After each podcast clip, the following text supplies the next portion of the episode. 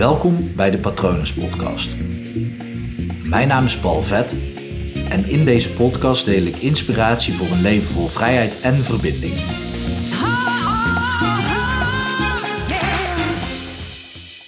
Alle gedachten en gevoelens die ontstaan door een trauma zijn normaal. En het klopt. Ik hou niet van generaliseren, maar hierin telt dat wel. Alle gedachten en gevoelens die je ervaart door een trauma zijn normaal. En waarom ik dat durf te zeggen, is omdat dat trauma en eigenlijk jouw reactie daarop, in welke vorm dan ook, heeft systemisch gezien nut. Ik ben opgeleid tot systeemtherapeut, eigenlijk tot systeemcoach. Echter ben ik nu hypnotherapeut, dus die, die combineer ik natuurlijk. Maar systemisch gezien kunnen er geen gaten vallen. En wat ik misschien wel eerder ook heb verteld in hypnotherapie is, ehm, of als ik het over hypnotherapie heb, is dat jouw onbewuste geniaal is. Is echt geniaal. En die zal altijd bepaalde manieren vinden om waarde van jou te vervullen. En in therapiesessies, dan begeleid ik jou ook, stel jij zou mijn cliënt zijn, begeleid ik jou ook om andere manieren te vinden, nieuwe manieren te vinden die diezelfde waarde blijven vervullen. Omdat dat systemisch, ja, een, een systeem kan geen gat hebben. Dat gezegd hebbende, even terug naar wat ik aan het begin zei. Alle gevoelens en gedachten die jij dus hebt naar aanleiding van een trauma, die zijn normaal. En waarom ik dit zo stellig zeg, is omdat de kans aanwezig is dat je, als je een trauma hebt beleefd, in welke vorm dan ook, dan kan het zijn dat je soms schrikt van de emoties die je teweeg brengt of de gedachten die het oproept. Ben ik wel normaal kan dan ook een gedachte zijn. Nou, bij deze heb je dus het antwoord. En ik zal dus ook, stel dat je nog steeds twijfelt na deze aflevering. Stel je zou mij de vraag stellen met Paul, ik heb deze, deze, deze en deze gedachten en deze emoties. Is dat normaal? Dan zeg ik volmondig ja. Dat is normaal na je trauma. Kijk, op het moment als je in therapie bent geweest en je hebt het uh, trauma niet meer, oftewel je doet het trauma niet meer. Uh, daarover trouwens later, uh, ik denk dat ik vandaag nog een aflevering opneem. Um, maar stel dat dat weg is en je zou die gedachte nog steeds hebben, ja, dan kunnen we het erover hebben van oké, um, waar komt het nog vandaan en eigenlijk hoe kunnen we ervoor zorgen dat dat ook oplost. Maar op het moment dat jij dus nog een trauma doet, trauma hebt, dan dan is elke gedachte en elke emotie normaal. Omdat dat dus getriggerd wordt vanuit systemisch oogpunt. En waarom ik dit zo belangrijk vind om te zeggen, is dat op het moment dat jij alles wat er dus getriggerd wordt in jou door een trauma accepteert, erkent, ziet, hoort, gelooft, dan ontstaat er al een heel groot stuk heling in jezelf. Want op het moment dat jij dus de hele tijd aan het bedenken bent van ja, maar die gedachten die ik heb of die emoties die ik ervaar, die zijn niet normaal, dan wijs je dat deel van jezelf af. En op het moment dat jij een deel van jezelf blijft afwijzen en dan ook nog het deel wat een traumatische ervaring heeft beleefd, ja, dan, dan zal je altijd ge, gekwetst blijven. Dan zal je gekwetst voelen. En ook als ik het zo schets, is het misschien heel helder voor je. Kijk, op het moment dat jij dus een traumatische ervaring hebt beleefd en je hebt er nu nog last van, betekent dat die, ja, dat trauma, dat, dat zit nog ergens in jouw systeem. En dat zit dus ook in een bepaald deel van jouw systeem. Dus niet, jij bent niet volledig 100% uh, in een vat met trauma gevallen. Een deel van jou heeft zich afgesplitst in je brein. En dat deel is nog getraumatiseerd. Een heel groot ander deel van jou niet. Dat deel in jou, dat zorgt voor die gedachten en emoties.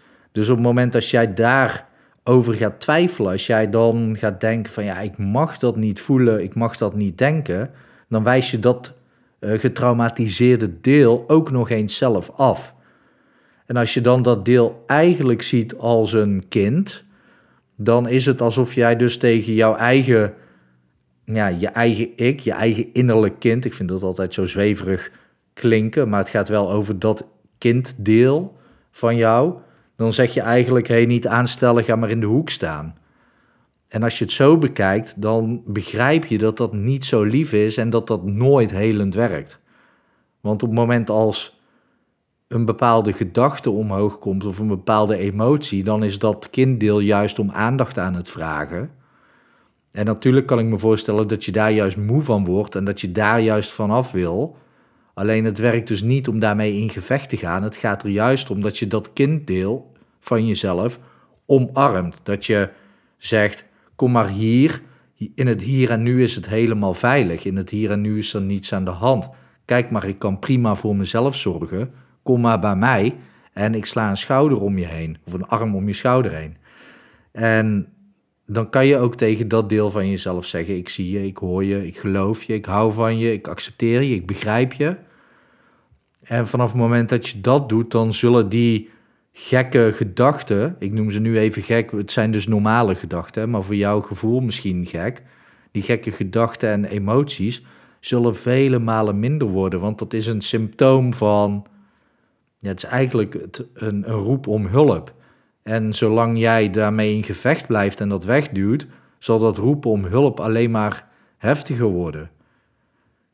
Ik, uh, ik heb zelf een keer ziek op bed gelegen in de woonkamer. Toen was ik nog jong.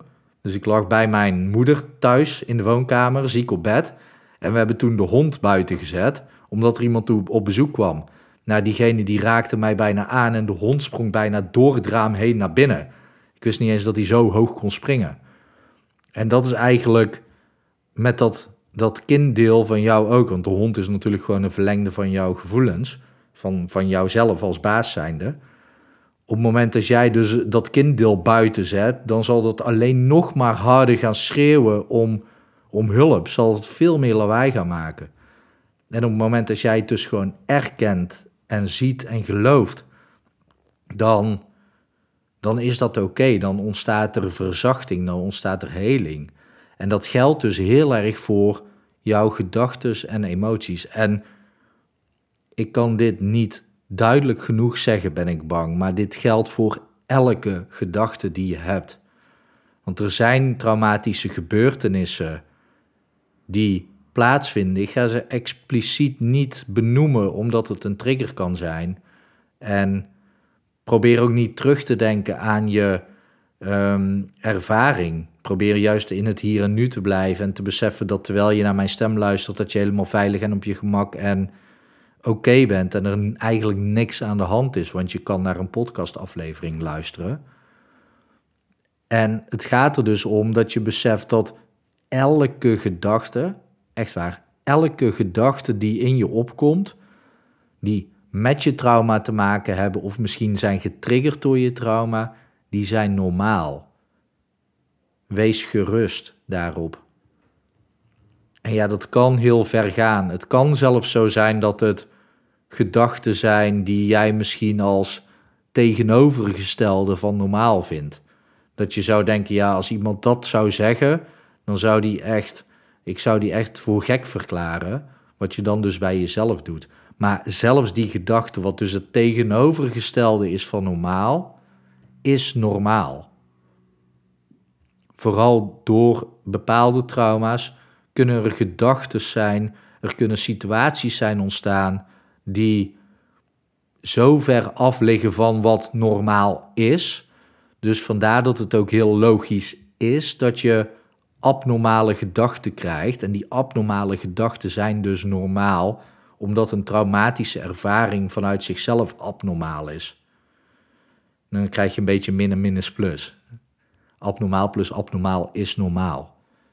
Dus een abnormale ervaring en een abnormale gedachte zorgt ervoor dat dat dus normaal is. En ja, je mag me nog steeds een bericht sturen. Gewoon mailen naar patronen.palvet.com of op Instagram, hypnopal.nl. Of op mijn website kan je ook contactgegevens vinden, www.hypnopal.nl. Je mag me de vraag stellen, Paul, ik heb deze gedachten, deze gevoelens aan de hand van dit trauma. Echt alles. En ik zal altijd zeggen, ja, dat is normaal. En dan disclaimer bij, erbij, op het moment dat jij het hebt opgelost, dan zouden die gedachten ook anders moeten worden. Maar dan moet het dus echt opgelost zijn. Als het niet opgelost is, als je nog steeds erg stiekem het trauma doet, alsof misschien heb je het wel vastgezet, misschien heb je het een plek gegeven, dat werkt niet, een plek geven, want dan zit het er nog. Dan is het dus niet weg, is niet opgelost. Als het is opgelost, dan zou je andere gedachten moeten gaan krijgen vanuit jezelf. Hè. Je kan natuurlijk altijd nog denken van ja, maar vroeger dacht ik dit, dan heb je die gedachte ook. Ik kan dit niet sterk genoeg benadrukken. Dus mocht je twijfelen of jouw gedachte ook normaal is, dan is mijn antwoord daarop ja. En ben je er nog steeds niet overtuigd, stuur mij een berichtje. Ik heb net al doorgegeven waar je dat kunt doen. Ik hoop natuurlijk dat het goed met je gaat. Ik hoop dat het goed gaat met dierbaren van je. En ik wens je nog een mooie dag toe.